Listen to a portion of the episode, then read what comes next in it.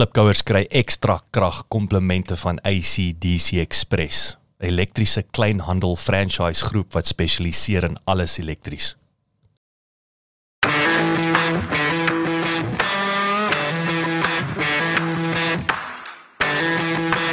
Welkom by die Klipkouers potgooi waar ek gereeld gesels met Afrikaanse entrepreneurs en impakmakers ten einde die beste praktiese advies met jou te deel.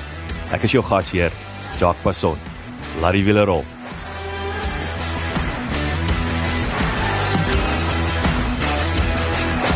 Misdaad is buite beheer. Mense in Suid-Afrika leef in voortdurende vrees. En hoe dan anders? Die statistieke lyk net nie goed nie. Weet, ons praat van 'n gemiddeld van 57 moorde per dag. 'n Roofaanval elke paar minute en 'n verkrachting elke 4 minute. Dankie tog vir my jongste gas, Mike Bolhuis, wat dit as sy roeping sien om misdaad met hand en tand te beveg. Met meer as 35 jaar ervaring, is Bolhuis 'n genadeloose en soms onortodokse stryd wat hy teen misdadigers voer, welbekend en selfs berig. Een van sy teende staan nog geskryf, No drugs, no violence. Dit in 'n netedop is die fokus van Mike Bolhuis se kruistog teen misdaad. Niemand is meer passievol oor die stryd teen misdaad as hy nie, veral wanneer vrouens, kinders en diere daaronder lê. En dit was my baie interessant die groot passie wat hy vir diere het. Inteendeel, hy het vir my gesê hy sal hy sal ouens vrek maak wat wat 'n dier laat ly want want 'n dier kan nie terugveg nie.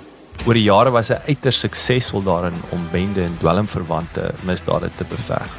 Tot so 'n mate dat sy maatskappy as 'n laaste uitweg beskou word. Dit laat my dink aan 'n uh, hedendaagse uitdien, hè, wat is niemand anders jou kan help nie, is is is daar 'n uitweg. Ons leer egter die mens agter hierdie hierdie baie tawwe voorkoms ken en dis 'n baie interessante storie.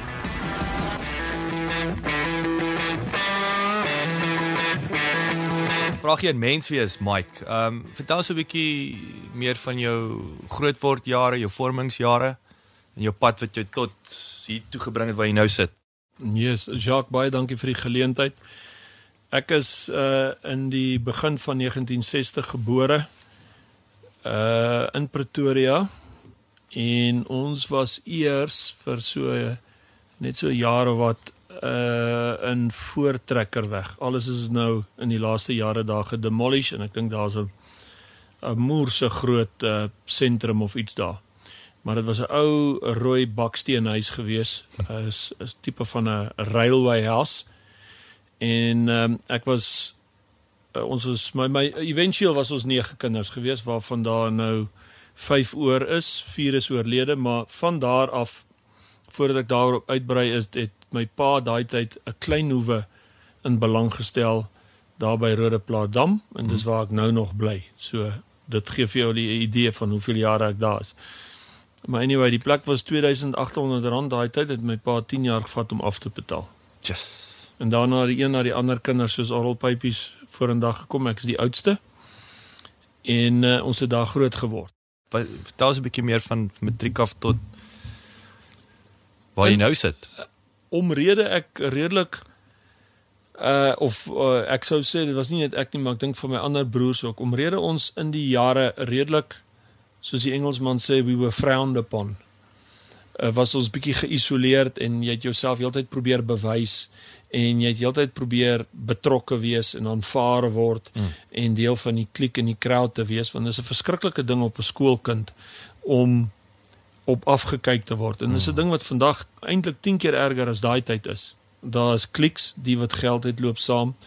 Uh die wat kleure is loop baie keer saam, die wat 'n punt wil bewys meng met ander kleure. Jy al daai kliks en dit is elke keer en baie keer gewoonlik uh 'n 'n groot invloed op die wat dan nie betrokke is nie want dan wil die voel hulle is daar's iets fout en hulle wil graag betrokke wees, hulle wil iets doen om deel te wees. Nou ek het heeltyd so gevoel in my hele skooljare. Ek het heeltyd gevoel ek was uh, geoust, uitgeskuif. Hmm. Uh geensins I was never I never felt wanted hmm. or respected. Toe gebeur daar 'n insident in matriek waar ek ehm uh, daar was 'n paar ons was 'n klomp skoolkinders gewees by Sunny Park. Ek weet nie of julle dit kan onthou nie. En ons was besig om kaartjies of iets te verkoop en ek en die hoofseun uh, wat daai tyd die blue-eyed boy was en 'n paar van die ander ons was net so vier seuns in ons klas gewees. Die res was almal uh, vroumense gewees was toe as 'n klas uit om iets daar te gaan verkoop dink ek om iets kaartjies of iets ek kan nie presies onthou nie maar ek kan die insident goed onthou en dit was waar die drie van die meisies of vier van die meisies was baie geres gewees by die petrolstasie oorkant. En ek het dit gesien en ek het toegetree. En uh die ouens aangespreek baie groter as ek baie ouer as ek. En uh ek weet nie waar dit vandaan gekom het nie maar uh dat dit het 'n aggressie ontaard. Hulle het uh, vir my gegaan en ek vir hulle. En ek het die twee of drie manne daar gesort. Ja. Uh ja nee dit was tipies uh, of wel ek sal ek sal nie sê tipies nie maar 'n tipe van 'n wonderwerk daarso maar dit het gebeur en ek kan nie presies verklaar hoekom maar ek het die vermoë gehad. Jy het die vermoë, yes. Wat hoorie maar lyk like my ek kan nog altyd bietjie baklei of toetree ja. of medieer of mense uitmekaar het kry. It there and then it happened. Toe dink ek vir myself, miskien moet ek bietjie kyk na my talente en uh dit bietjie onder die maat emmer uithaal en kyk wat kan ek doen en toe toe besluit ek daar en dan. Was 'n matriek. ek wil die beste wees in wat ek ook al kan doen vorentoe en toe kies ek eers uh uh uh weermag. Waar kan ek die beste wees? Toe hoor ek die valskerm ouens. Is maar die uh, plek om te gaan ja en toe ek soen toe ja jy Bloemfontein. Ja toe ons daarso en uh ek het toevallig nou uh, die 26ste Oktober was ek uh, die gasspreker gewees by die jaareindfunksie van die Parabats tussen 1960 en ek dink 94 uh se groep Ja. Daar by Mike Coronele en dit was vir my baie aangenaam ek heel wat mense daar gesien. Maar anyway, ehm um, na die na die bats klomp kampe gedoen uh vir die bats en uh ek het myself probeer om daar as die beste soldaat uit te staan. Uh en daarna het ek uh met drie goed begin betrokke raak met die Pretoria Mark en ehm um, by uh, die Staatsteater restaurant, die Allegro en met 'n sekuriteitsbesigheid. En eventueel uit die sekuriteitsbesigheid uh, ek het al hoe meer versoeke gekry om veiligheid en sekuriteitsdienste te bied. Dit was toe nou die nagklubs daai tyd, maar dan kom die nagklub eienaar na jou toe en hy sê hoor jy daai ou betaal nie sy geld nie of hier's 'n probleem of hierdie ou bliksem sy vrou of jy weet hierdie kar moet gehaal gaan word of uh jy weet daai tyd was daar nog nie dwelms nie want dit het hmm. later ingekom maar gewoonlik enigiets verwant met drank of uh jy weet ouens wat nie geld betaal nie of wat disrespekvol is wat het hulle na ons toe gekom. En daai daai jare was dit lekker. Jy het sommer jy het net so lekker gekuier saam met die polismanne. So as as jy die ou half dood gebliksem het, dan kom jy kops of staan hulle daar gee hom nog so een skop en gooi hom in die wen. Dis is so 'n onderwyser hè wat jou pak slag gee. As jou ouers hoor dan gee hulle jou ook sommer pak slag. Hy klappe by die huis ook. So ja, ja, jy weet daai tyd, eers daar was net eenvoudig dinge het sommer baie vinnig geloop. Jy weet as jy daai tyd jy het probleme alles jy het nog steeds jou praatwerk gedoen jy het nog steeds gewaarsku en jy het jy het jou naam en reputasie en dit en wie jy wat jy is en wat hulle van jou weet nog altyd gebruik om om 'n vorm van misdaad te verhoed maar daai tyd kon jy ehm um, 'n toetree fisies met baie goed en 'n groot verskil maak wat wat is die klimaat op daai stadium eh, in die nagklubs in Suid-Afrika. In ander woorde, ek nou dink ehm um, ek het nou welkom groot geword, jy weet. So jy het nou gehad, dis nou as jy in 'n nagklub gesien was, is jy amper geskort deur die weet die, die, die skoolhoof. Wat was die was daar stigma? Was dit was dit die dis die rowwe Jacks wat wat hoe was dit in Pretoria daai daai jare? As jy by 'n nightclub uitgang het. Nee, die initiële eerste nagklubs was nie uh noodwendig dit was deur die streng Christelike groepe gesien as as 'n ewel en hmm. en en eintlik tog so want die ou kom nie in vir een drink nie. Maar om dit nou in perspektief te plaas is die die nagklubs was daai tyd nie beïnvloed deur dwelms nie. Steroids het 'n bietjie 'n rol gespeel. So daar was aggressie en die ouens het hoofsaaklik mekaar getimmer oor girls, een wat vir 'n ander ou se girl kyk of oor uh universiteits rugby spanne wat die kak uitmekaar uit bliksem daarso omdat hmm. die span of die ou het nou iets te sê oor daai span of die span het verloor en en en. Ehm um, so die dit die nagklubs was besoek deur ouens wat regtig daar of wou dans met 'n girl hmm. en net 'n goeie tyd wou gehad het of met ouens wat girls kom soek het spesifiek of met groepe wat dit hulle noem dit pub crawling of of nightclub crawling deur die klubs gegaan het waar daar een of ander rugby game was of een of ander groep wat nou net gaan en oral uitgaan. Die probleem kom in met die hoeveelheid drank wat ingeneem word deur enige persoon. Al gaan die ou met die naaste intensies om net met sy girls girl te dans of 'n ou gaan net om girls te ontmoet of jy gaan nou weens 'n event. As die drank vloei, daai dit was dit brandewyn en feeste dan het die dan het die ouens braaf geraak, dan raak die ouens leeu's. Jy weet ek het op een aand in die New Union Hotel en dit is eintlik lelik om te erken, maar dit het gebeur. Het ek en van my bouncers gestaan, arms gevou en gekyk hoe 'n ou uit die parking uitry. Hy was een van die laaste karre wat uitgaan het. Hoe hy sy kar afskryf voordat hy by die parking uit is. Hy het gefok in reverse in 'n ander ou in. Toe ry in 'n jacaranda boom in vas. Toe ry hy heeltemal terug ander in 'n ander garage in. Toe ry hy oor al die asblikke. En toe donder hy nog in die in die sypaadjie reg voor by die dip. So dit en ons so 'n dier, was 'n dier aand vir. Ons het ons mors dood gelag en dit was nie die eerste insident nie, maar 'n hmm. drank die drank gebruik van die ouens ehm um, was vir my op tye verskriklik lagwekkend maar ook skokkend. Ek het hmm. gesien hoe ouens regtig misdadig kan raak en en en maar daai tyd was het jy 'n probleem so uitgesort. So dit het nooit werklik waar verder gegaan. Oomblik as ons sien drank maak die ouens tyd dan as hulle verwyder. As hy omdraai en hy swipe na jou toe dan jy hom gebliksem. Mm. En dan kom hy die volgende hy, hy kom die volgende na jou toe dan vat hy jou hand, hy stikkend geslaan. Hy vat jou hand, hy sê vir my ek het dit verdien en ek is jammer en ek doen dit nie. Kon verantwoordelikheid neem. So dit was oral so. Daar was nooit so 'n ding van haatdraandheid en mm uh 'n ding wat verder gegaan het as dit of polisie sake of enigiets nie. It was always die eens die eens eintlik wat die meeste geslaan word gaan terug na dieselfde klap toe. Hmm. Want uh, in a way wants to put it right en hmm. hy wil weer en hy het so lekker daar gekuier en so voort. So van die bekendste nagklubs was daai uh die New Union Hotel. So waar so so ek wou nou die vra so Kerkstraat so so was dit was nou so hoeveel was daar? Was daar top 3 daai jare? Waar ja, was jou myn Ja daar daar was ek kan wat is daai een se naam? Jacqueline's was ook baie bekend en Limelight later daar eers is jare terug hoor. Maar daar was nie baie night nightclubs nie maar toe toe van die ouens sien in nightclubs werk het hulle klein plekkies begin oopmaak So, so dit was 'n vreemde ding. Ek wil sê of ja, was nie 'n algemene ding night ja, clubs nie. So musiek trek jy ouens. So die ouens het begin live bands inkry en en en it's all good and well. Maar ehm um, die die ding het baie begin lelik draai toe daar begin dwelms inkom. Jy weet in dwelms het nou die ecstasy tyd. Dit dit eers begin met die gewone goed soos ouens rookie zol en mm. daai tipe van goed en naderhand het hulle begin met die sintetiese dwelms. Maar toe die dwelms die nagwêreld trek tref, toe tref dit die bouncer wêreld toe draai ek teen toe maak ek disband ek die hele bouncing 'n uh, groep wat ek gehad het en ek begin teen van bouncers optree want die bouncers is toe die uh, verskaffers van die dwelms hulle is die ouens wat van die drug lords die dwelms kry en dan daar verkoop en en en en en dan raak dit territoriaal en dis toe dit begin lelik raak. So in daai jare en tot nog onlangs want jy kan maar nou kyk daar's baie min nagklubs. Baie min. Hmm. Want eventueel na 20 jaar of so het die penny gedrop. 'n Nagklub eienaar maak 'n nagklub oop, maar hy he never sees that money. Want die die drug trade neem hom heeltemal oor. Hulle gee vir hom 10000 rand 'n maand gaan sê sit by jou huis.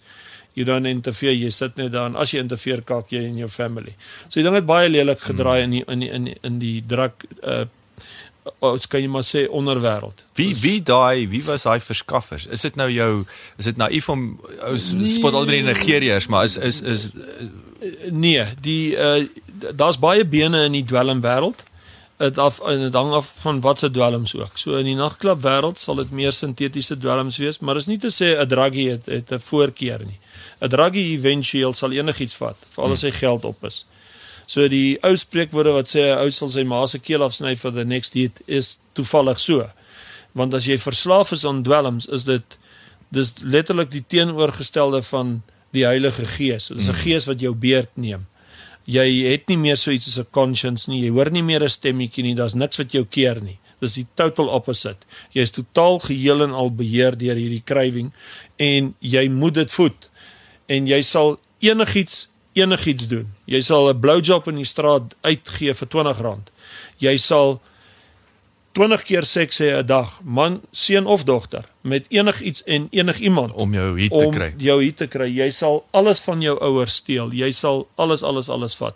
So die die dwelmwêreld is ongelukkige wêreld wat min mense wat uit 'n ouer era en die wat nie daarbey betrokke is of was nie onkundig oor is. Maar die wat my vandag oor praat en wat of vasgevang was in heroin of sintetiese dwelms of dwelms en betrokke was by syndikaate, bendebedrywighede of bouncergroepe of daai goed sal presies weet waarvan ek praat en ook die wat vandag luister na wat ouers is wat so 'n kind gehad of familielid sal sê ja Mike slaan die spyker op die kop. It's exactly so. Tja. as dan nou een is een ding is wat 'n familie in sy totaliteit geheel en al solied kan opfok is dit een druggie of dwelmgebruiker in die familie.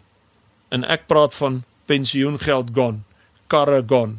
Ek praat van letterlik alles Dis 'n kanker. Dis 'n absolute ja, familiekanker. so jy kan verstaan my geveg mm. Nou het ek teen hierdie bouncer groepe begin staan. Die bouncer groepe het begin, dis nou ouens soos Elite, die Hells Angels. So wat is hulle? Gee 'n bietjie Hulle agtergrond. was almal waar- bouncer groepe met name. Maar wat het Maar hulle? hulle Is hulle ou later- militêre manne? Wat is hulle? Wat is dit? Nee, Net 'n klomp fris jump bunnies wat Almal ouens wat on dit uh, dit hier's die ironie. Hierdie is nie slim manne wat gestudeer het. Want toe ek en jy vroeër gepraat het, vir jou gesê die oorsaak van meeste misdade in die die on, wêreld onkunde. is onkunde en armoede. Mm. Nou kom ek sê vir jou al hierdie ouens wat in hierdie trade ingaan, gaan raak in hierdie trade betrokke weens onkunde. So hy's 'n onkundige ou, hy's 'n onopgeleide ou. Hy wil groot wees, hy wil aanvaar wees, hy spuit die steroids, hy oefen sy gat af in die gym en nou sê hy 'n reus. Hmm. Nou om daai habit en daai oefeninge en daai lyf van hom te gebruik, raak hy betrokke by die bouncer wêreld en dan raak hy betrokke by wie mag inkom, wie mag uh nie, wie mag hier verkoop, wie nie en eventueel raak jy ons betrokke self by die dwelms.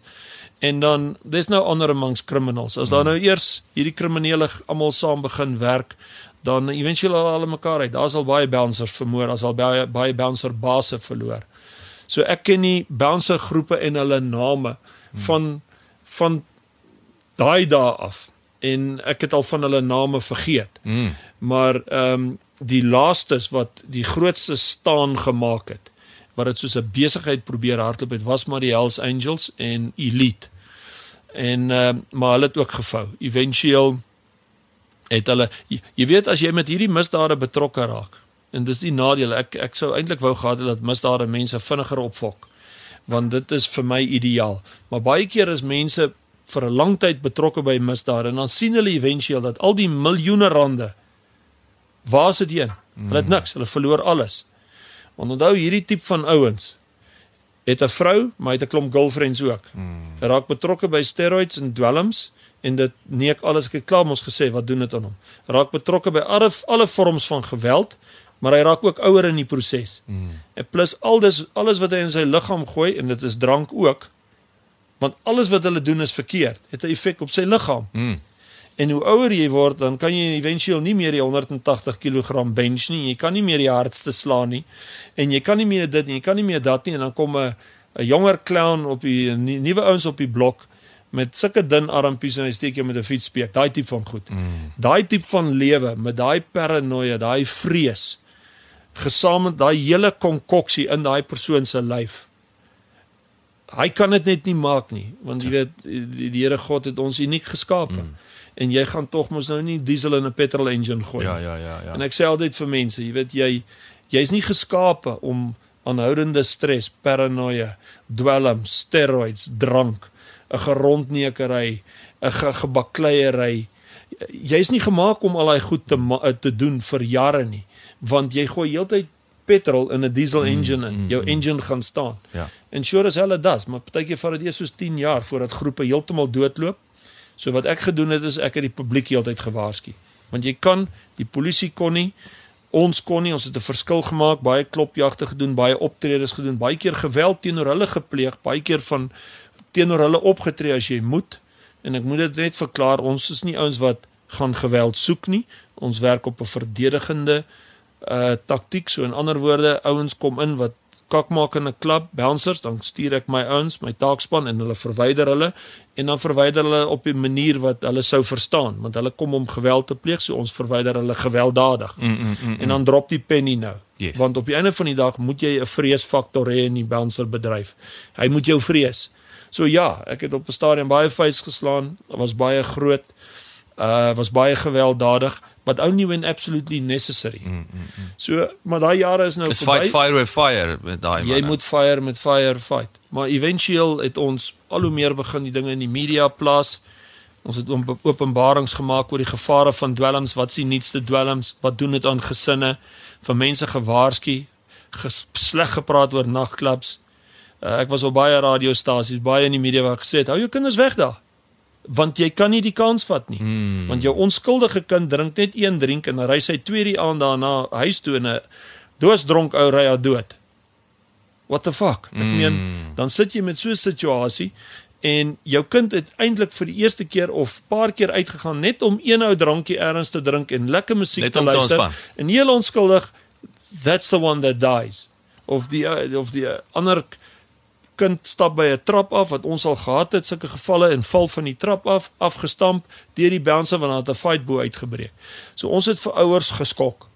Ons het in die media geplaas gesê hou jou kinders uit die nagklub uit. Ons het die jeug toegespreek. Ons het die universiteite toegespreek.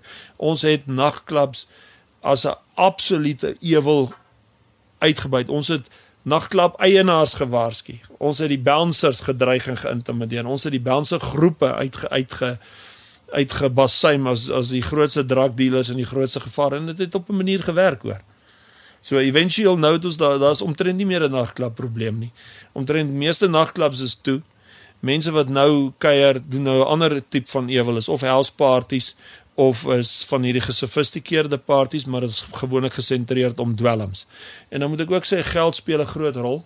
So omdat die land uh, in 'n vorm van 'n uh wel nie 'n vorm van 'n duidelike retrenchment is van uh geld. Mm. Ek meen omtrent al wat uh, oues wat ek deesdae raakloop het uh, het dit terugsak in finansiële uitgawes beweeg. Hy kan nie meer dit bekos, hy kan nie meer dat nie. Jy weet deesdae betaal jy wat vir 'n drink mm. en jy betaal wat vir die daai en die ander gaan van excursion of uitgaan. So dit het ook 'n goeie effek uh, in 'n manier gehad op die naglewe mm. omdat die ekonomie so swak is. So nou bly mense eerder by die huis, 'n klomp ouens gaan kyk saam rugby by 'n ou se huis, hulle drink daar saam of hulle reël 'n reunie en daai tipe van goed waaroor ek baie bly is. wat wat 'n beter scenario is. So hoe hoe lyk daai kommersiële model? Betaal die toe jy nou die bouncer groepe, eh, weet hoe maak hulle geld? Word hulle retainer betaal? Word hulle per nightclub betaal? Hoe betaal jy jou bouncer? Betaal jy hom per uur? Hoe lyk gee ons 'n bietjie 'n snapshot van daai kommersiële model? So 'n nagklub sal jou uh, hier om sy plek te protect. En Maandelikse fooi. ja, hy gee vir jou 'n bedrag uh, en jy onderhandel met hom en jy as eienaar kry daai geld en jy skaf jou bouncers aan of jy het jou bouncers en jy gee hulle 'n per uur fooi en hulle werk in die aande. Dis maar hoe dit werk. So dit en is 'n is 'n kontrak wat jy met die nagklub. Daar's ja, daar's nie daar was nooit kontrakte en Dis 'n handshake. papierwerk nie. Nee, dit was daai tyd dat jy jou sê gesê en jy het so gepraat en so voort. Ja. Natuurlik het alles lele- leliker gedraai later, Ja. nie van ons kant af nie, want ek het daai tyd uitgestap en dit Hmm. begin stop. Maar baie bouncer groepe hmm. wat daai tyd hulle koppe uitgesteek het, het die nagklubs gehijack, het die eienaars en die setup daar en die selfs die patrons, die mense wat daar kom, die besoekers geterroriseer. en die regulars ehm um, kan jy maar sê gehijack en oorgeneem en gehanteer en toe die dwelms nou ingekom ensovoorts. En dan baie keer ook is, is situasies hanteer uh verkeerdelik hanteer as nie meeste van die kere. So onskuldige mense sou seer kry, onskuldige mense sou sterf en daar is nie behoorlike reëls regulasies toegepas nie. Daar was nie behoorlike codes of conduct gewees nie. Daar was nie ordentlike CCTV footage nie. So baie misdade het begin gebeur in die nagklubs. En dit het naderhand so geeskaleer dat dit gekom het op 'n punt wat ek nou net vir jou gesê het dat ek besluit het dis is dit. Ons met hierdie En moet toe. hier gaan ons nou met die exposure. Mm. En toe begin ons daai exposures. Toe begin ons agterkom, jy weet, waarsku die publiek dat hulle weet wat gaan in 'n nagklub aan. So wat wat is die ehm um, kom ons kyk 'n bietjie nou nou ons het nou gepraat oor die industrie en die in die huidige tendense. So nightclubs minder. Ek bedoel ek is nou soos vars mos nou van die vliegtyg af. Nou hoor ek van Presley's. Ek Nee, hoor ek dis hoor la, lang arm plekke en so aan. So is is wat wat is die wat ek wil sê wat is jy het nou gepraat van huis by die huisbraai en so is dit nou maar net jy gaan kom by die by die bar en en, en sit om die TV en eet 'n stytjie en 'n 'n biertjie. Wat hoe lyk daai tendens? Ja, ek dink weens die uh resessie en die swak e ekonomie het dit al hoe meer beweeg na pri private parties toe. Jy kry nog steeds jou pub hier en daar, jy kan oral rondry en jy kan sien hier's 'n pub. En dit is baie keer uh, nou gekombineer met kos. Daai tyd se nagklubs was nie noodwendig gekombineer met kos nie. Dit was 'n nightclub. Uit 'n band gehad of 'n klomp musiek Yes. of rave clubs. Die rave clubs het daai tyd ook hulle koppe ter uit, uitsteek, maar ek het onmiddellik die eerste rave club toe opmaak, toe maak ek hom al toe.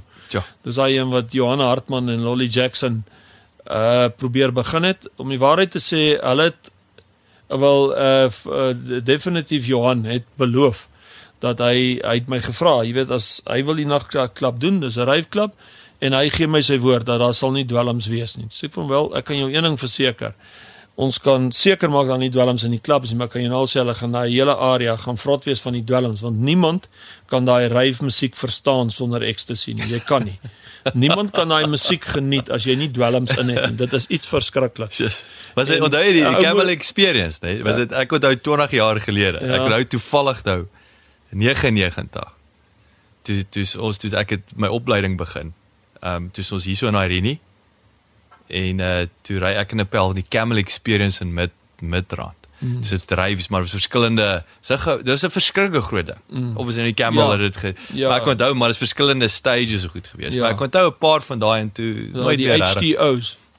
Was dit? Ja, dit was dit was die HTO's ryf ryf Ek sien ek Events so, o, geweest. was die die, die handelsmerk. Ja. Okay. Nee, en en uh ek het toe vir Johan gesê, alright, want uh dit is toe die eerste ding in Suid-Afrika en dit was 'n baie baie groot uh expose in die media daaroor en en en en en. En uh man dit was nie 'n paar maande nie toe sien ek uh, ons moet hierdie plek toemaak toe hoor special assignment daarvan toe stuur hulle 'n kamera crew ou Anne Marie Lombard het alles gefilm en toe gaan maak ons daai plek toe en toe die toe die oorloë ba- maar begin want toe is ek teen al hierdie ouens wat nou die ryfklubs doen.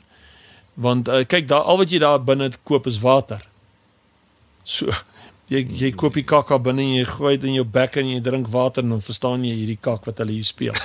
Dit is dit is astronomies. Dis dis iets om eintlik te beleef en te sien. Jy kan as 'n normale mens dit nie uithou daar nie. Dis hy Nee, die ligte, die ligte, daai en stroom. daai ligte, daai musiek is net eenvoudig dit het so 'n uh, indruk op jou liggaam en op jou hart en op jou senuweestelsel en jou oë en jou ore dat slegs daai dwelms kan maak dat jou liggaam dit absorbeer.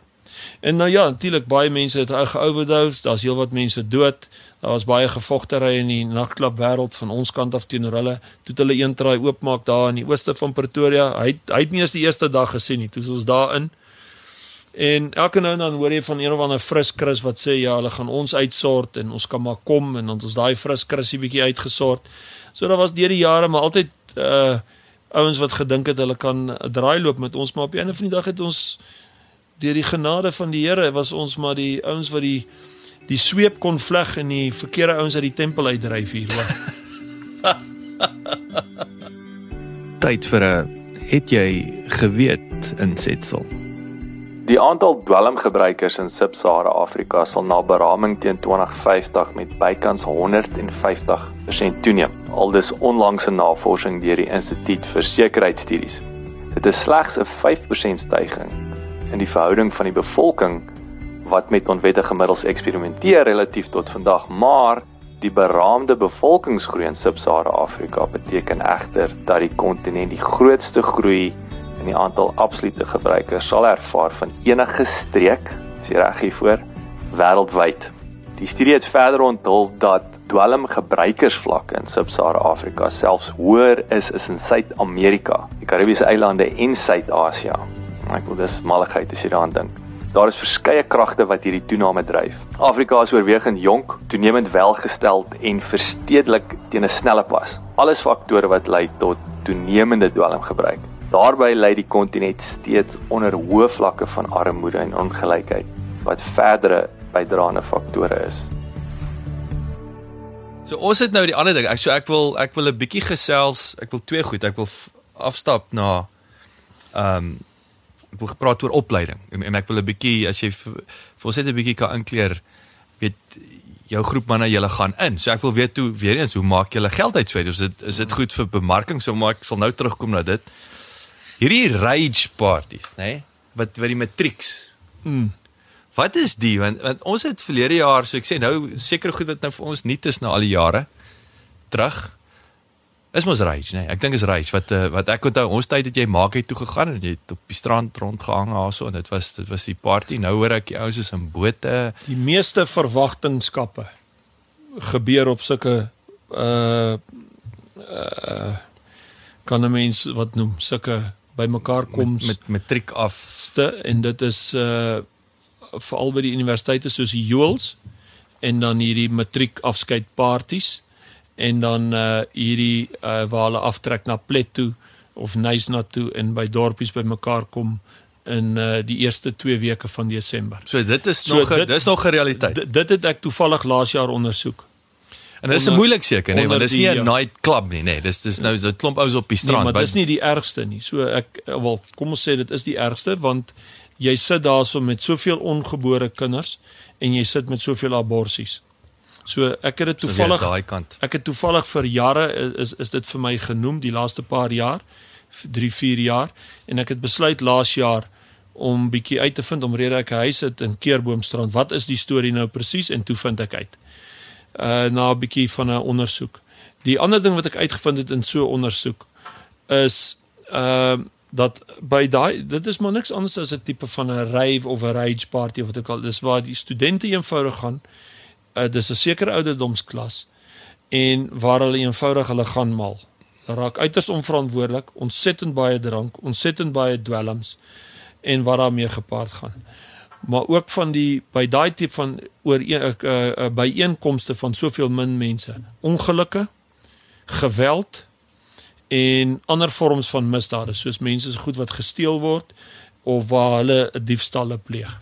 En dit dit is wat my nogal geskok het. So die dorpe skop al hoe meer kant daarteen en tref al hoe meer reëlings daaromtrent. So ja. hulle bring polisie in. Hulle bring ekstra sekuriteit in en eintlik wil die meeste van die mense nie daar wees as daai kinders in daai tydperk daar is.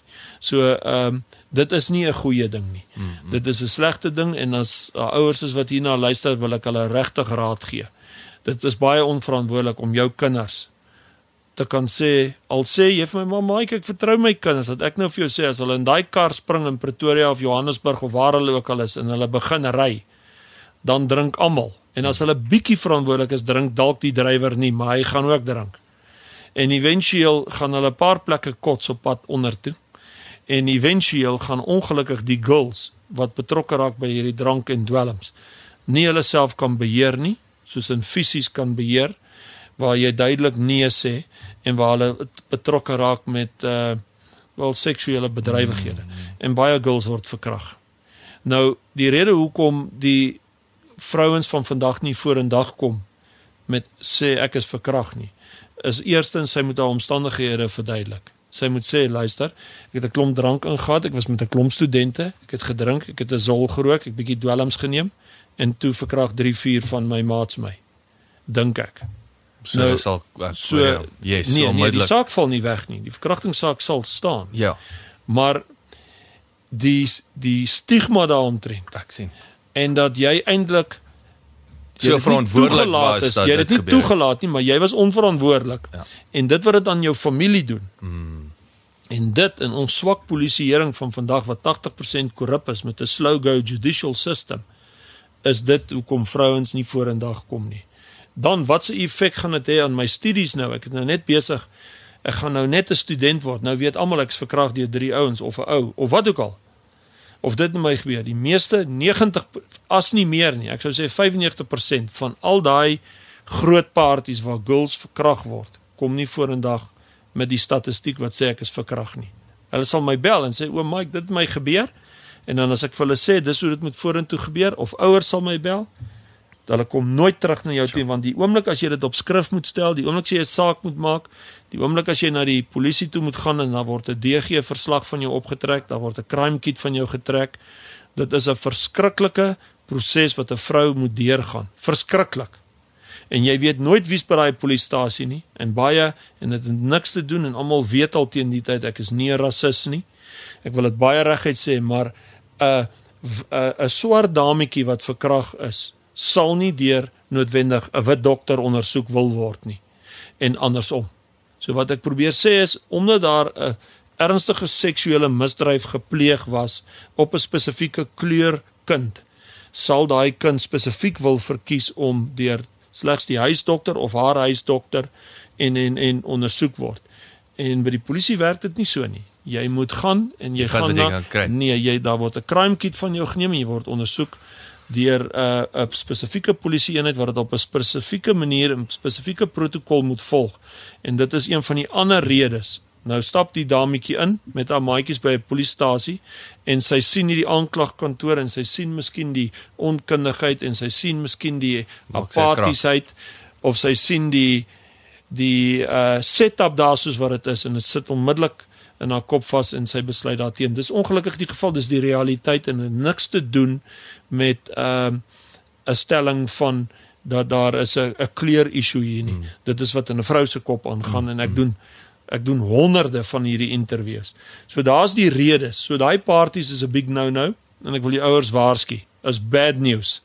Jou kind stap nie daar uit na so 'n party as 'n beter mens, as 'n meer ingeligte mens, as 'n veiliger mens, as 'n skoner en gesonder mens nie.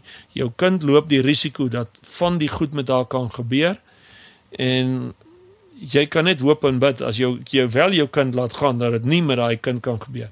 En dan daar gebeur maar goed met die seuns ook. Onthou eh, die ou wat uh die girl neem sonder haar toestemming of die girl vat of met haar seks het eers as hy heeltemal doos dronk is. That eats him also at a stage. Hy mm. mag lekker lag en brag en praat kak onder sy buddies en so voort, maar op 'n stadium het dit 'n effek op hom en dit skep hom en dit create hom aan 'n tipe man.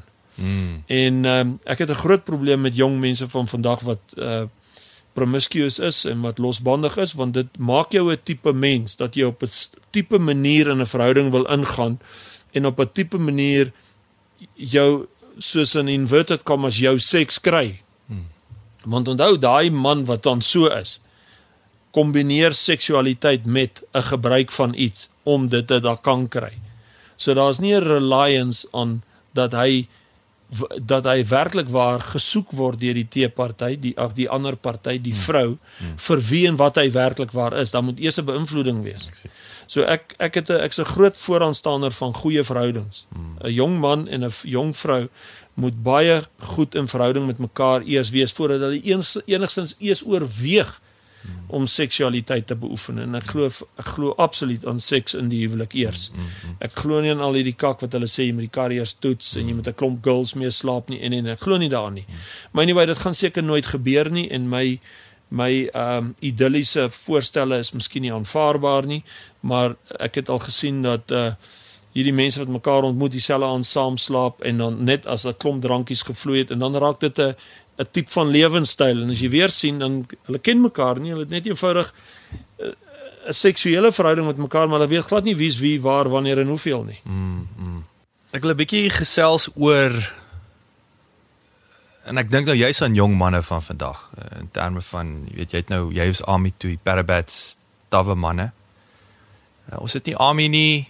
Ehm um, hoe bly jou manne fit. Ek wil jy het nou gepraat units. Hoe hoe kyk jy na fiks? Ek wil jy lyk like, vir my nou baie fit ou. Ja nee, ek is uh, ek wil jou eintlik jou ander vraag ook beantwoord deur uh, die besigheid van vandag. Ek gebruik slegs hoogs gespesialiseerde ex-polismanne. So uh, ek poach hulle as ek kan. So almal weet daar buite ek soek die super polismanne wat nie meer in die polisie wil werk nie. Ek het skokkende nuus vandag en dit is dat die ANC het geheel en al ons land verloon en ons ons almal oorgelaat aan ons eie lot. This is it. En dit sê ek as 'n spesialis ondersoeker met die backing van my organisasie as 'n absolute evalueerder van die stand van die land. Die ANC het ons geheel en al in totaliteit verloon. Ons is oorgelaat aan ons eie lot. Dit sluit in die polisie. Die polisie kan hier en daar die mooiste berigte en goed plaas van wat hulle alles wil doen of gaan doen.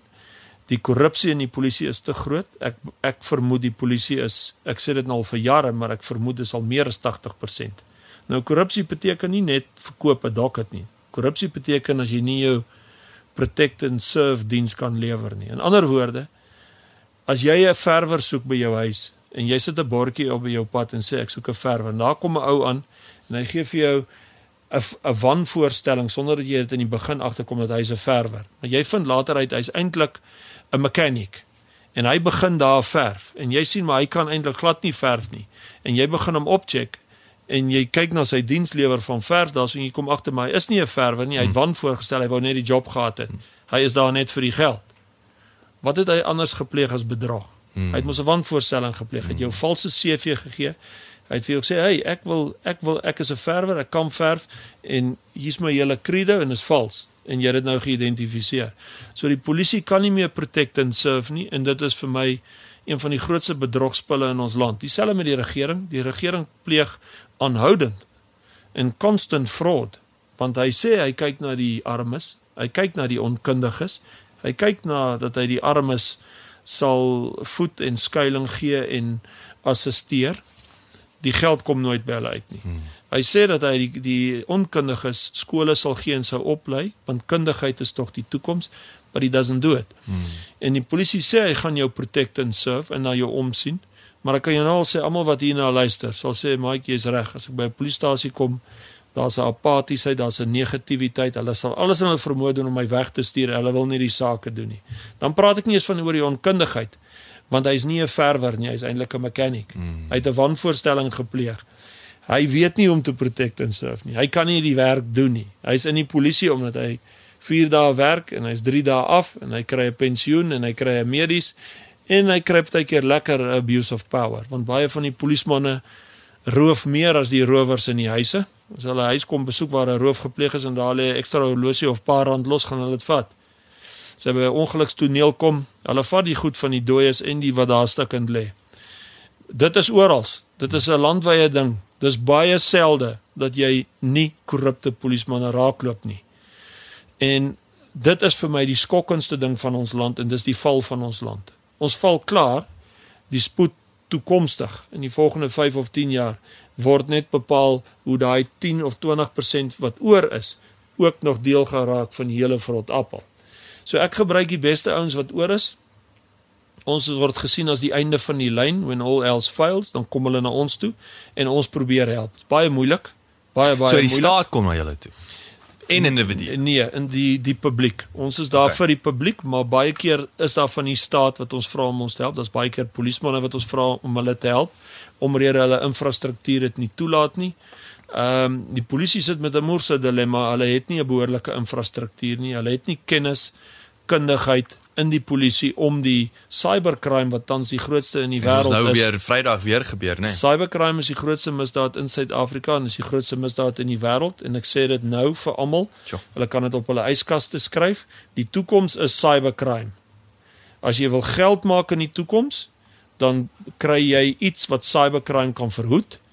As jy wil nie geld verloor nie, maak seker dat jy nie betrokke raak of ingesluk word deur cybercrime. En cybercrime is sien ek as 'n sambreel wat in sulke goed in uh, insluit soos hacking waar jy jou goed hack, uh goed wat op pad is hack, uh al jou identiteitsdiefstalle, uh afpersing, sextortion, hmm. daai storie ja. waar die mense oor en weer kaal fotos vir mekaar het en afpers, photoshopping. Ek meen ek kan 'n foto van jou neem nou. En ek het 'n app. Ek het daai vermoë om 'n kaal lyf onderaan te sit. Hmm en 'n videoetjie nog te maak waar jy allerlei snaakse goed doen seksueel en dan jou daarmee af te pers as jy dit nie betaal nie sit dit op jou hele Facebook post en almal sien dit. So die toekoms is cybercrime. Die toekoms is platforms, die toekoms is sosiale media, die toekoms is al daai goed. Mense luister nie vir my waar ek vir hulle waarsku, klim af. Gaan na die ou manier, stuur die as dit nodig is stuur selfs die fucking posduif. Maar Stuur 'n gewone SMS as dit brood nodig is. Bel as dit nodig is. Moenie net selfies neem met jou karregistrasie in die agtergrond, mm. met jou hele huis se nommer in die agtergrond, met almal in jou huis, met video's van oral waar jy vakansie hou, video's van waar jy werk en ensovoorts. Hierdie is die next DNA. Hierdie ding wat ek in my hand hou, hierdie selfoon mm. is the next DNA. Ek sê altyd vir mense, as ek 'n druppel bloed het, 'n paar nommers van jou, net so 3 of 4 van jou nommers en ek het 'n haar. Ek het een bygevoeg. Jou selfoon het ek alles. Die ouens hou alles op hulle selfoon. Mm, Mans, mm, mm. girlfriends. Hy hou sy alles van sy vrou, sy girlfriends, almal van sy staf vir wie hy werk, waar hy werk, sy PIN-nommer, sy bankrekeninge. Uh waar hy sy sekuriteitsgoed gekry het en geïnstalleer het, invoices, goed van sy werk. Die ouens stuur en brag aanhoudend op alle WhatsApp groepe met alles deur sy selfoon. Nou raak hy een aan doosdronk in 'n bar en hy verloor sy selfoon. Daai ding raak in die hande van 'n verkeerde persoon. Hy gaan deur hom en hy sien politieke stellings wat jy maak en hoe jy daar staan met 'n moerse R1 en hoe braaf is jy en wat se soldaat jy is en vir wie jy stem en wie jy nie stem nie en wie's die en wie's daai en hy spoel sy bek oor wat alles aangaan en wat hy alles lees. Dan het hy ou alles van jou, weet hy presies en sê, "Ah, I know who would like this phone. Mm. En hy vat dit na enige vyand van jou. Ja. So ek waarsku mense dat die toekoms is die platforms. Dit gaan erger en meer raak en jy moet so vinnig as moontlik, so gou as moontlik terug te beweeg na behoorlike direkte kommunikasie en oppas vir alle inligting op jou foon. Maak hom dat hy net kan bel en ontvang. Maak dat jy eerder die moeite doen oor belangrike goed iemand te gaan sien en maak seker dat daar so min as moontlik van jou inligting beskikbaar is. Ek sien ek skok jou met hierdie goed. Laat ek jou sê, hoe kry al hierdie syndikaate ons inligting? Uit asblikke uit. Pragtig. Uit asblikke uit en by korrupte mense by bankinstansies en selfooninstansies en groot maatskappye. Want jy wonder baie keer by myself, what the fuck, waar het hierdie ou my nommer gekry? Mm. Wie's jy? Asblikke, mense gooi elke dokument in asblik. Mense shred nie. Mense kyk nie wat hulle in 'n asblikke gooi nie. Is daai uh, Mike sê ek van jou rede. Hierdie is is ek vind dat Suid-Afrika is nog steeds daai ehm um, en ek vra, ek sê vra amper. Dit voel vir my dat ons ons om met ons uit 'n uh, ons skuldige Afrika verlede uitkom. Jy weet dis dieselfde met die ouens wat ek sien gister of die naweek weer 'n 'n vrou wat verby my ry met klein dogtertjie op haar op haar skoot. Mm jy praat oor ek kry hartaanval as ek dit sien want mm. ek sê mos altyd dis net dis net sy wat nie in ongeluk betrokke gaan raak of ja. kinders wat agter op die bakkie sit. Weet ons het so groot geword, ja. maar jy's naïef as jy dink in in moderne Suid-Afrika exactly. dat jy iemand kan nie aan jou vasry. Nee. Uh intedeel is nie of nie, dis wanneer. So dink jy daar's 'n bietjie 'n blaseigheid, soos wanneer ek shred nie, want niemand gaan my mm posbus kom ag 'n drom kom leeg steel in my ID nommer. Ek skryf maar my ID nommer aan neer want ek doen dit nog altyd as ek kyk dis 'n ander stupid ding wat ek ouens sal ID nommers neerskryf by sekuriteit hulle incheck. Ek skryf altyd sommer enige nommer aan neer. Um dink jy dis net daai is 'n naïwiteit? Dit is 'n naïwiteit en uh die mens moet aanpas. Hy moet weet dat hy moet 'n trapsiekie wees. Hy moet weet vandag is 'n ding so en ek moet aanpas om misdaad te voorkom en te verhoed dat misdaad teenoor my gebeur en dis hoe ek dit aanspreek. Daar's die drie goed. Tweedens, die mens moet weet dat enigiets kan enige tyd met enigiemand gebeur. Mm. Daar's nie so ding soos daai vrou wat dink ag ek ry gou-gou soontoe, sit gou hier op die skoot. As jy op 40 km net briek, dan slaan daai kind haar neus voor op die dashboard stukkend. Dan het daai kind op daai ouderdom vir die eerste keer 'n gebreekte neus gehad. Partykeer vat dit 'n operasie om daai om daai neus reg te trek en en ensovoorts en kan baie meer ander komplikasies veroorsaak. Ek wil nie eens praat van die trauma op so 'n kind nie. Hmm. Maar hoe dit ook al sê is as mense nie bereid is om deesdae net bietjie stil te sit en bietjie net na die stilte te luister en te dink. Die mens het ongelukkig en ek dink ons het vroeër daaroor gepraat. Hy het iemand geraak van hy antwoord veelste vinnig jy gooi vir hom die bal en hy gooi hom onmiddellik terug. Hy vat nie hy hy's 'n onmiddellike reageerder. Hy reageer emosioneel, hy reageer oor enigiets wat hy onmiddellik sien, hy reageer veels te veel en veels te vinnig en met veels te veel kak en ek sien dit oor hoe mense hulle spoel op WhatsApp groepe. As jy na die WhatsApp groepe kyk, dan moet jy sien wat se kak kom daar uit. Dit is Dis nou ou wat nou nie gedink het. Dit is nou ouens wat jy of mense wat jy sou dink wat uit 'n behoorlike agtergrond, uit 'n behoorlike education, hy's 'n hy's 'n behoorlike soldaat, hy's 'n behoorlike alles. Maar kyk wat se kak praat hy hier. So die mense het iemand geword wat 'n chatterbox geraak het en hierdie platforms like it so. Hmm. Want onthou die platforms is daar geskep for more communication. Vertel my meer van jou, sê meer wat jy wil sê. So die mense het heeltemal 'n 'n masjien geraak wat hy spoel sy mond nou aanhoudend oor alles en te vinnig. So hier's wat ek sê, take a step back. Wat jy ook al sien, beleef of, of ervaar, maak 'n ingeligte besluit as jy 'n reaksie gaan maak. Moenie net reageer op hoorse inligting of vermoedelike inligting. Reageer op feitelike inligting.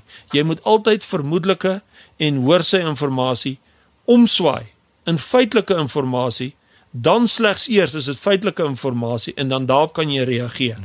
Maar almal wil tog altyd iets sê en 'n opinie gee en ek het toevallig by die Parabet talk het ek hieroor gepraat. Die mense het 'n verskriklike, verskriklike opinionated Hy wil sy eie stem hoor, hy wil praat, hy wil roggel, hy wil alles sê, hy wil kak praat. He just wants to fucking talk. Mm. Wese geraak dat hy nie besef in watse verskriklike omstandighede plaas hy homself nie. So dis hoekom ek sê die meeste mense sink hulle self ongelukkig weens dit wat hulle sê want dit wat hulle sê is op rekord. Mm. As jy mm. eers op 'n foon, as jy eers 'n ding neergeskryf het, kom ons sê skryf kom ons sê wat jy ook al administratief doen en of wat jy dit ook al op watter platform doen, is dit 'n gevaar as dit sensitiewe inligting is. Mm. So, sulke goed soos as jy in 'n besigheid is en net alles weggooi en daar weggooi, daar is baie keer lyste en lyste van name met hulle telefoonnommers. Daar is baie keer inligting in 'n in 'n organisasie wat sensitief is wat net eenvoudig in die asblikke gooi word en dan word soos jy gesê net eenvoudig aanvaar ag wat you know what the dustbin man will throw it away. Maar jy sal nie weet of 'n syndikaat Wes-Afrika man by hom gestop het en gesê het when this company throws their documentation away keep it for me I'll give you 500 rands of jy sal ook nie weet van en dit kan ons nou ongelukkig niks aan doen nie maar ons vind dit uit dit is die geval hmm. by ouens wat by selfoon companies gaan werk met die doel om inligting te kry hmm. want hy hmm. kry 'n sideline pay want al daai inligting word gegee aan 'n syndikaat en nou wil ek vir julle sê syndikaate is deel van my waarskuwing op cybercrime Want cybercrime is die absolute money flow towards a syndicate. 'n Syndikaat kan nie werk sonder 'n selfoon nie. 'n Misdadiger kan nie werk sonder 'n selfoon nie. Maar hy gebruik dit tot voordeel van misdaadpleging en tot voordeel van cybercrime. En dit gaan die grootste grootste probleem wees in ons land vorentoe en daar is nie 'n oplossing daarvoor nie. Daar is nie 'n polisie eenheid wat dit behoorlik kan aanspreek nie en daar is nie die kundigheid nie in ons mensdom dink eenvoudig dit gaan nie met my gebeur nie, maar weet jy wat, die oomblik as dit met iemand gebeur, dan dan hardloop hierdie woorde in sy in sy kop rond en sê shit, het ek maar na Mike geluister. Mm. So ek waarsku die mense oppas vir die tegnologie. So daai en ek ek moet nou actually dis wat ek nog vandag gaan doen. Ek ek wil 'n bietjie gaan kyk om selfs net seker te maak die die weet want jy soos jy sê dis die preventative Dit ja. is om proaktief te wees. Daar antwoord. is daar is apps daar ja. wat jou hy selfoon van jou ek wil nie sê bulletproof maak nie, maar as jy nou ehm um, en ek besef nou net selfs, okay, ek gebruik apps wat uit 'n wêreldperspektief bulletproof is. So jy gaan in my foon kan kom, jy gaan met Bendag in my Evernote kan inkom of in my Dropbox kan kom, maar ek besef net my hele foon is nie beskerm byvoorbeeld nie. Vir so as jy my die foon beet kry of wat ook al nie. Ja, kyk, uh eerste raad wat ek kan gee is enige ou wat 'n selfoon het en dis almal jy moet nommer 1 as jy klaar met jou foon gewerk het. Kyk, my foon is 24/7 aan want enigiemand kan my bel oor die ergste misdaad. Mm, mm, mm. Maar ek as 'n spesialis ondersoeker, daar's nie 'n manier dat ek hierdie foon sommer sal verloor of verlê nie. Hy's soos 'n extension of my hands, soos mm. my wapens. Ek ja. my wapens is altyd by my. Daar's sekere goed wat altyd by my in plek is.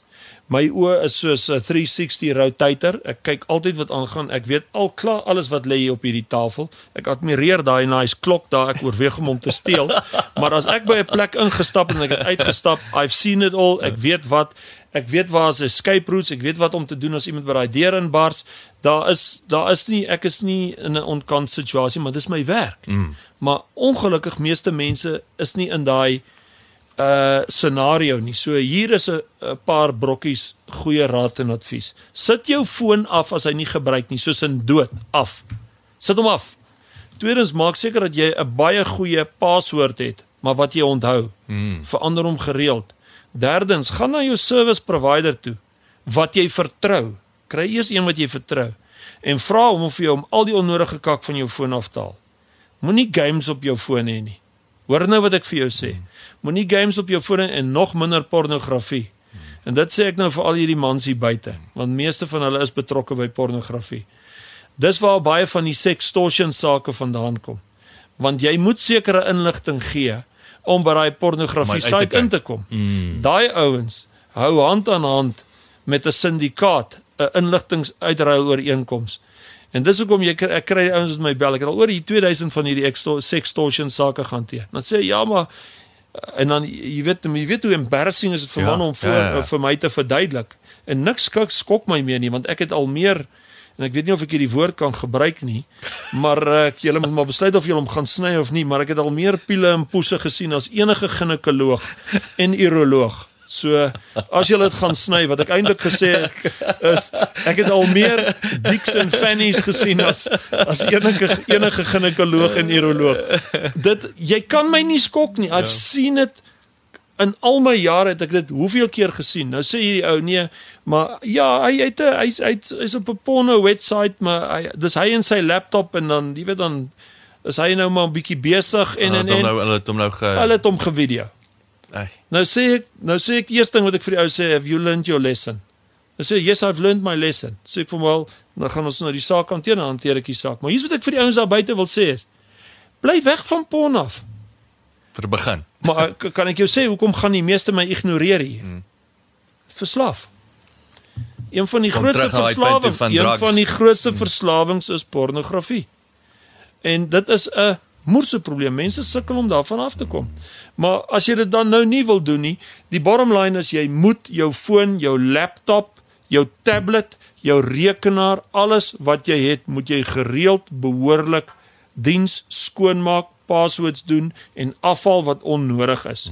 Jy moet enigiets en alles wat jy weggooi wat sensitief is shred of verbrand en jy moet geen waardevolle inligting wat jou kan identifiseer oor alles van jou, veral jou finansies, jou familie en goed wat gebruik kan word om jou te benadeel op 'n foon nou of op 'n rekenaar of enigiets nie. Dit moet weg wees. En moet ook nie net try slim wees en dink jy gaan al hierdie goed op hard drives laai en ergens wegsteek nie, want die dag as jy geroof word, is Stil dit die goed wat die ouens Yes. somewhere gaan kry. Mm. En die ander probleem is mense vergeet wat hulle doen en waar hulle goed wegsteek. Mm. So don't make your life complicated. Mm.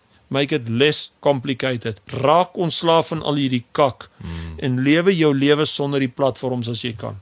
So. Baie goeie advies.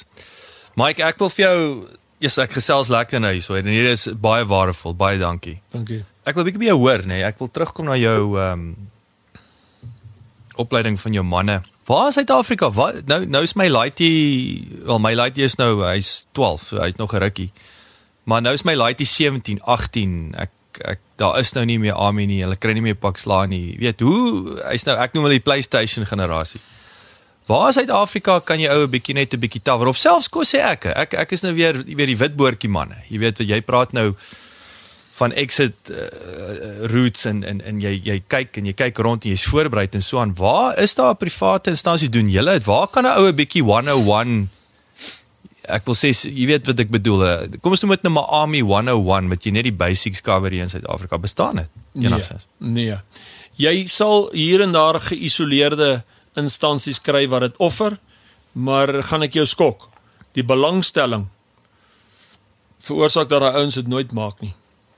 Pragtig. So ek het my eie selfverdedigingseenheid waar ons bereid is om mense uh selfverdediging uh mee op te lei. Mm -hmm. Jy weet van huisvrouens af tot die plaasboer tot die wie ook al daar buite.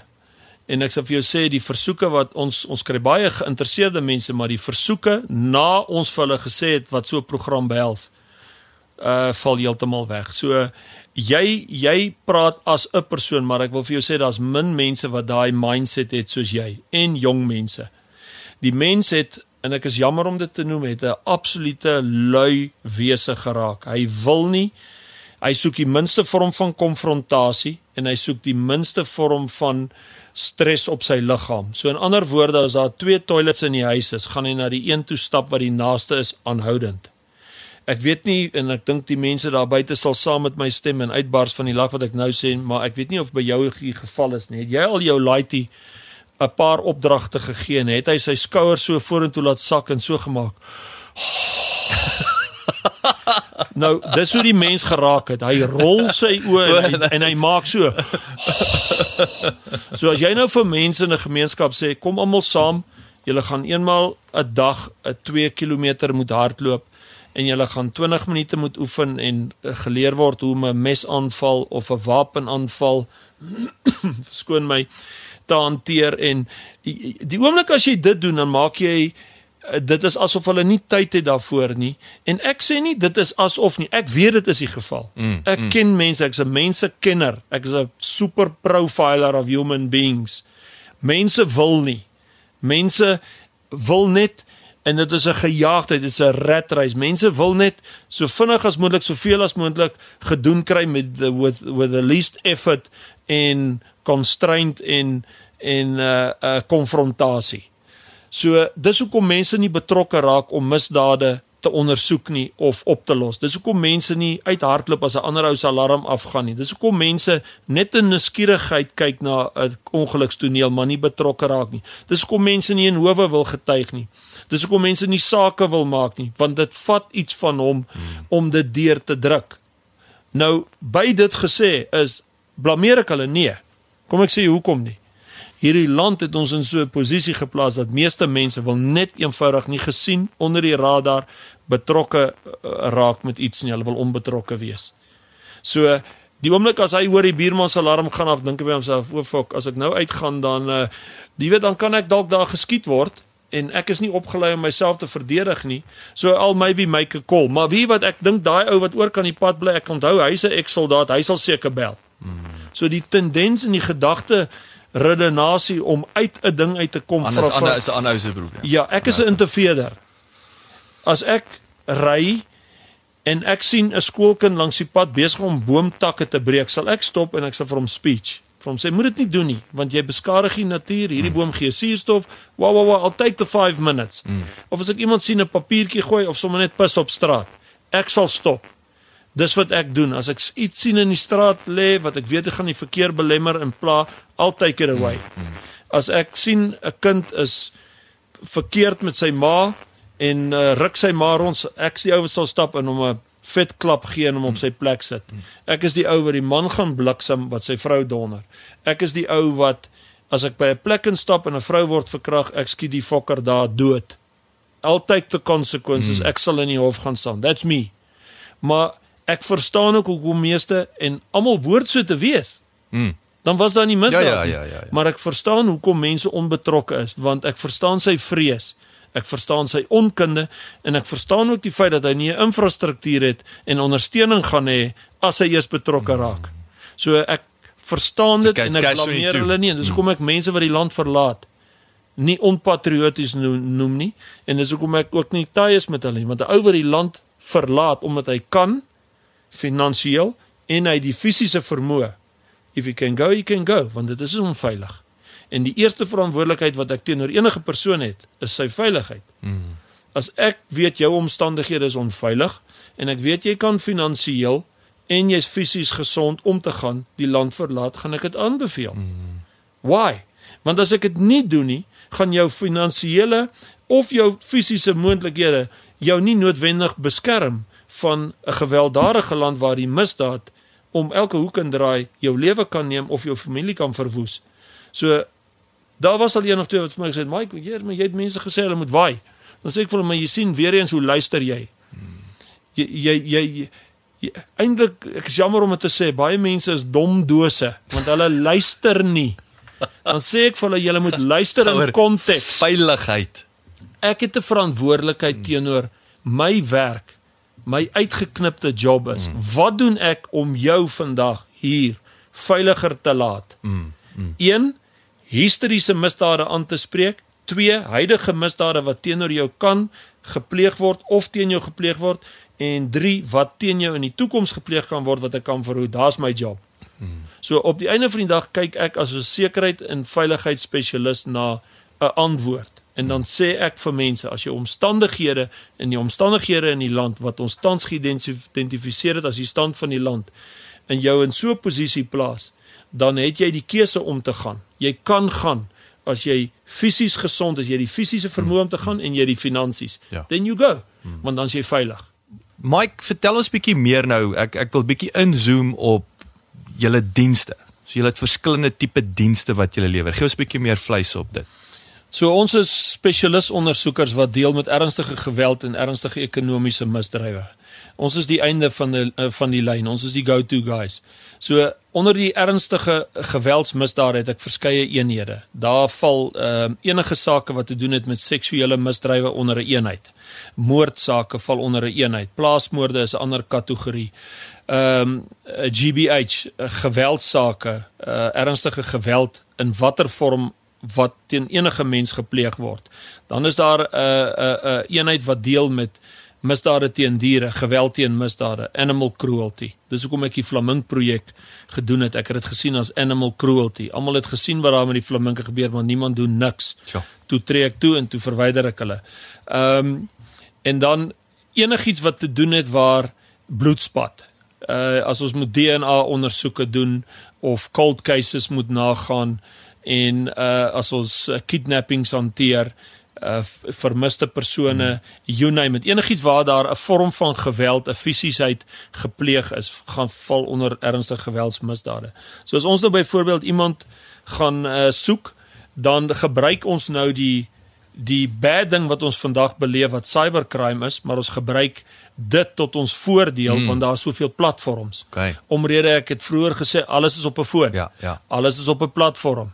So wat ons doen is ons ons infiltreer al daai inligting en ons trek en trace 'n persoon. So as iemand as daar 'n vermiste persoon is somewhere along the line, het daai persoon laaste selfoon gebruik of 'n kaart geswipe of 'n kamera het hom ergens opgetel en en en so ons is baie suksesvol met dit. Ons kan 'n persoon optel. Wat die ekonomiese misdrywe betref, daar is enigiets wat te doen het met geld. En partykeer hou die ekonomiese misdrywers hand aan hand met die uh, gewelds uh, misdrywers. So in ander woorde sê nou maar ouens is in die di diamond trade en die een ou het die ander ou bedonder met diamante. As jy weer sien hier 'n gangster om die ander ou uit te haal, so dan swaai dit nou weer en dan raak dit 'n gekombineerde saak en ek het eenhede wat dit hanteer waar ernstige geweld en ernstige ekonomiese misdade gepleeg word, sê dit sy deur 'n syndikaat of deur 'n besigheid of gewoonlik deur gangsters groepe, die mafiosos en so voort. Soos die Radovan Kretschers, groot in die geld, groot in die money laundering, maar meer as 15 mense het verdwyn. Sjoe. Ek het uh, Radovan ek het baie met hom te doen gehad. Ek het hom lank geondersoek. Ek het die groot en topname in hierdie land het geondersoek en mee te doen gehad. Almal van hulle is in dit vir die geld, maar op 'n stadium dan moet sekere mense uitgehaal word of vermoor word. En soos ek vroeër gesê het, there's no crime, ag there's no honor amongst criminals. Ja, Hulle haal ja. mekaar éventueel uit. Maar hoe dit ook al sê, is die ekonomiese misdrywe is tans die grootste in die wêreld en die grootste misdaad tans wat die hele wêreld se ekonomie in die ergste knel is cybercrime. Daar's niks groter nie in Suid-Afrika as dieselfde. Jy moet weet onthou enige afpersing, sextortion saak of enige ander vorm van cybercrime waar e-mails onderskep word, waar gelde in verkeerde rekeninge betaal word, geld uit banke uitgehack het, gehack word of uit instansies of uit persoonlike rekeninge is gelde wat wat verlore is vir ons SARS eenheid. Dit gaan uit die land uit, dis weg. Dit word deur Afrika manne, die Wes-Afrika manne of syndikaate of hier geskep of buite geskep of eenvoudig verwyder. Daar's nie so ding van 'n 8 to 5 job nie en ek betaal my wet en my tax nie. Dis geld wat hierdie land geheel en al verloor. Daai misdadigers vat nie daai geld en hulle bou 'n mansion hier en daai huis sit hier vas op die grond nie. Hulle lewe in die goedkoopste huise. Hulle huur dit. Hulle spandeer miskien geld op 'n duur kar, maar op die einde van die dag al daai ander geld wat uit Weg. uh, wat is weg. So die die piramideskemas word daar ondersoek en enigiets wat te doen het met finansiële diefstalle, bedrog in besighede, poligrafering, enigiets waar enigs enigstens iets gesteel of of wat te doen het met net geld waar daar nie fisiese geweld is, val onder daai eenheid. Wat uh, kyk julle na die ehm um, Amerikaanse is daar is daar is daar lande wat die wat die tegnologie wat julle implementeer, jy weet, waar's ek wil sê waar's daai best practice? Is daar lande wat uitstaan? Ek jy nou praat van polygro dinge kom onmiddellik aan die FBI byvoorbeeld. Is daar sekere plekke waar julle jy weet organisasies wat julle met die manne gesels of of deel of wat ook al? Die mense met die beste tegnologie in die wêreld is Israel en is ehm uh, Amerika by verre. Ek het ouens met wie ek nou saamwerk in Israel en ek het ouens wat vir my werk uh, wat van Israel is, Mossad manne. Mhm. Mm ehm um, dit is dit is 'n sensitiewe en 'n privaat uh uh uh scenario in my organisasie en dit word slegs aangewend om misdaad aan te spreek. Dit het nie 'n politieke naderdraai nie. Dit het niks te doen te doen met politiek, dit het te doen met van as ons baie dringende of vinnige hulp nodig uh sou hê in spesifiek ernstige ekonomiese misdrywe soos voortvlugtiges, ouens wat oor see wegkruip of in selfs in track and tracing. Ek praat nie van die normale track and tracing in die land as as iemand weg is nie, maar uh, ek praat van in die groot syndikaat kidnapping, money mm, laundering mm.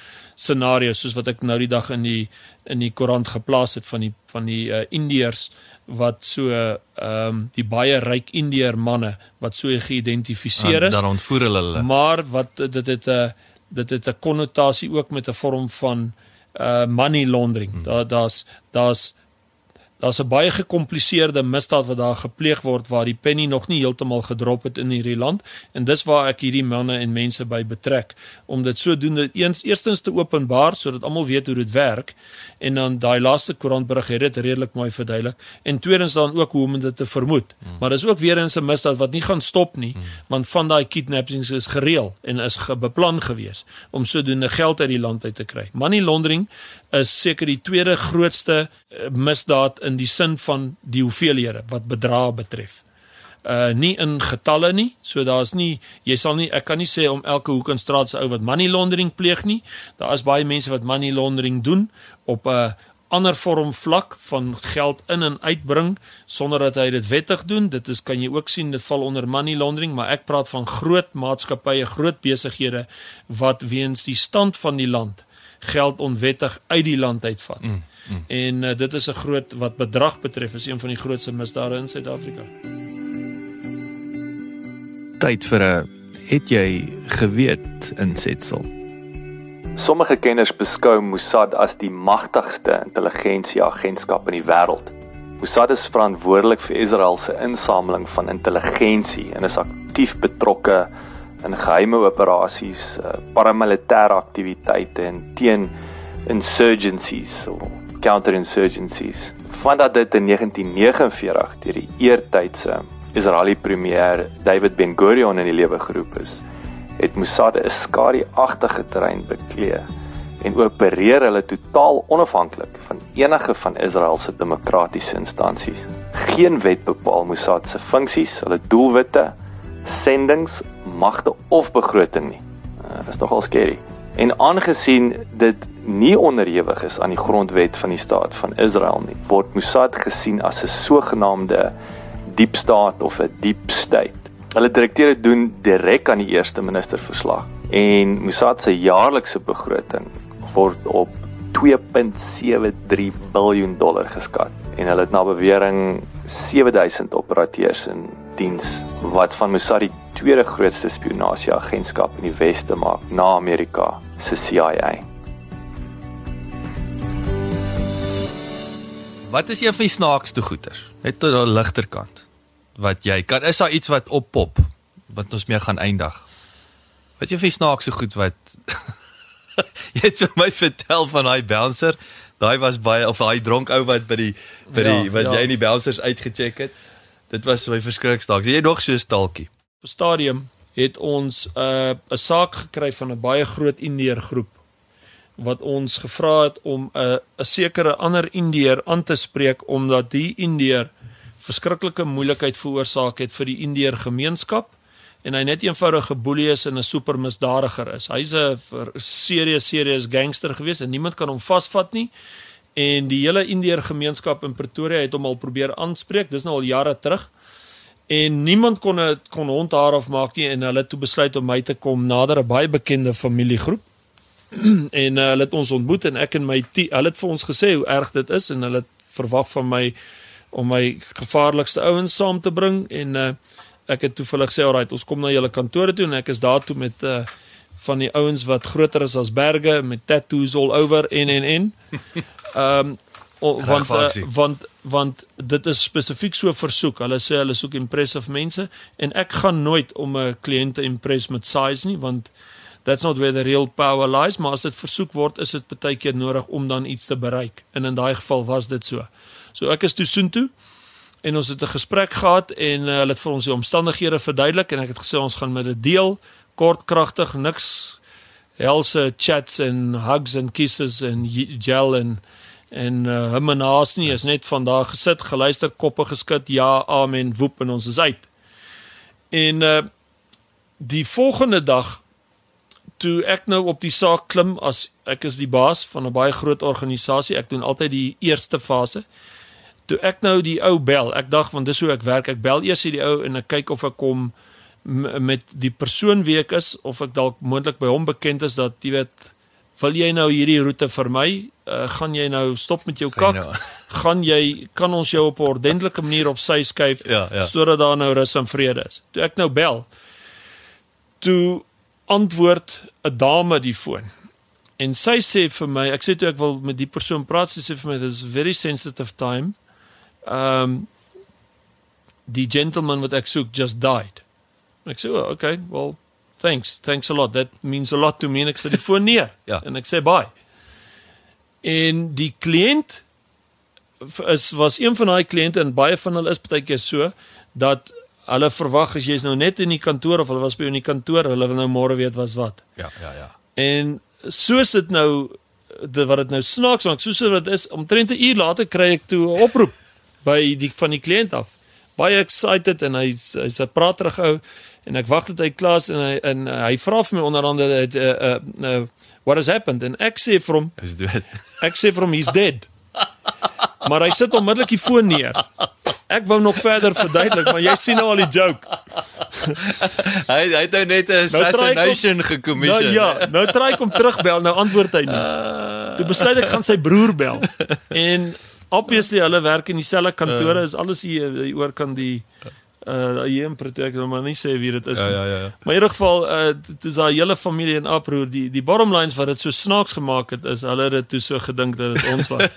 En eventueel moes ek eintlik iemand onderkry wat na hulle toe gaan en sê listen there's there's Relax. there's two sides to a story just listen. Nee maar Hulle het net eenvoudig gesê, "Listen, let's just totally disassociate. No calls from Mike or his people. No, we've never met them. We've never seen them. CCTV video's skoon gemaak. Alles, alles, alles, alles." Maar dit was baie snaaks, ja. Uh, Mike Bollys, dankie. Dit was uh, dit was 'n voorreg om jou te chat, maar ek het dit verskriklik baie geniet. Dis 'n hele ander angle hierdie. Dit is nou as ek nou kyk, ek dink nou hierdie is ek is 120 onderhoude wat nou al wat nou al lewendig is. Ja, so hierdie was sekerlik een van die interessantste, so ek sê heeltemal onkant, ja. ander kant. So nee, baie dankie vir jou tyd. Dit was heerlik om jou te ontmoet het. Ek waardeer baie en ek sou sê as dit ooit in die toekoms daar 'n 'n 'n klipkouer 2 is op Mike Bolles, is ek meer as bereid om dit te doen want ek is seker daar sal baie mense wees wat baie vra het mm. en wat baie meer wou weet oor die stand van die land. Maar uh, ek dink as mense net toepas wat ek hier sê, weet, just take a step back. Hmm. Staan net bietjie stil, dink. Hmm. Dink voor jy iets sê, gaan deur alles in konteks luister na al die hoorse inligting, die vermoedelike inligting en dan reageer slegs op feitelike inligting en maak 'n ingeligte besluit in konteks. Moenie net die opskrif van 'n berig lees nie.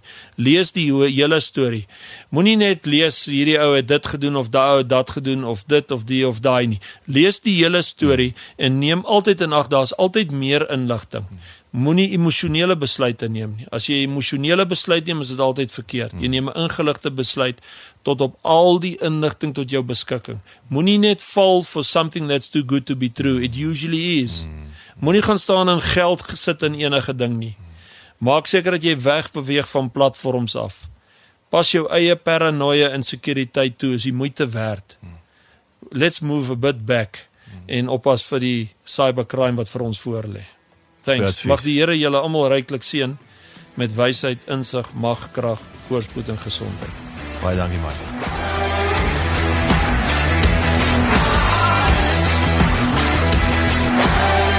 Baie dankie dat jy geluister het. Vir 'n opsomming en notas van die episode, gaan asseblief na ons webwerf www.klipkouers.com en teken sommer in terwyl jy daar is, dan kan ons jou gereeld op hoogte hou. Baie dankie.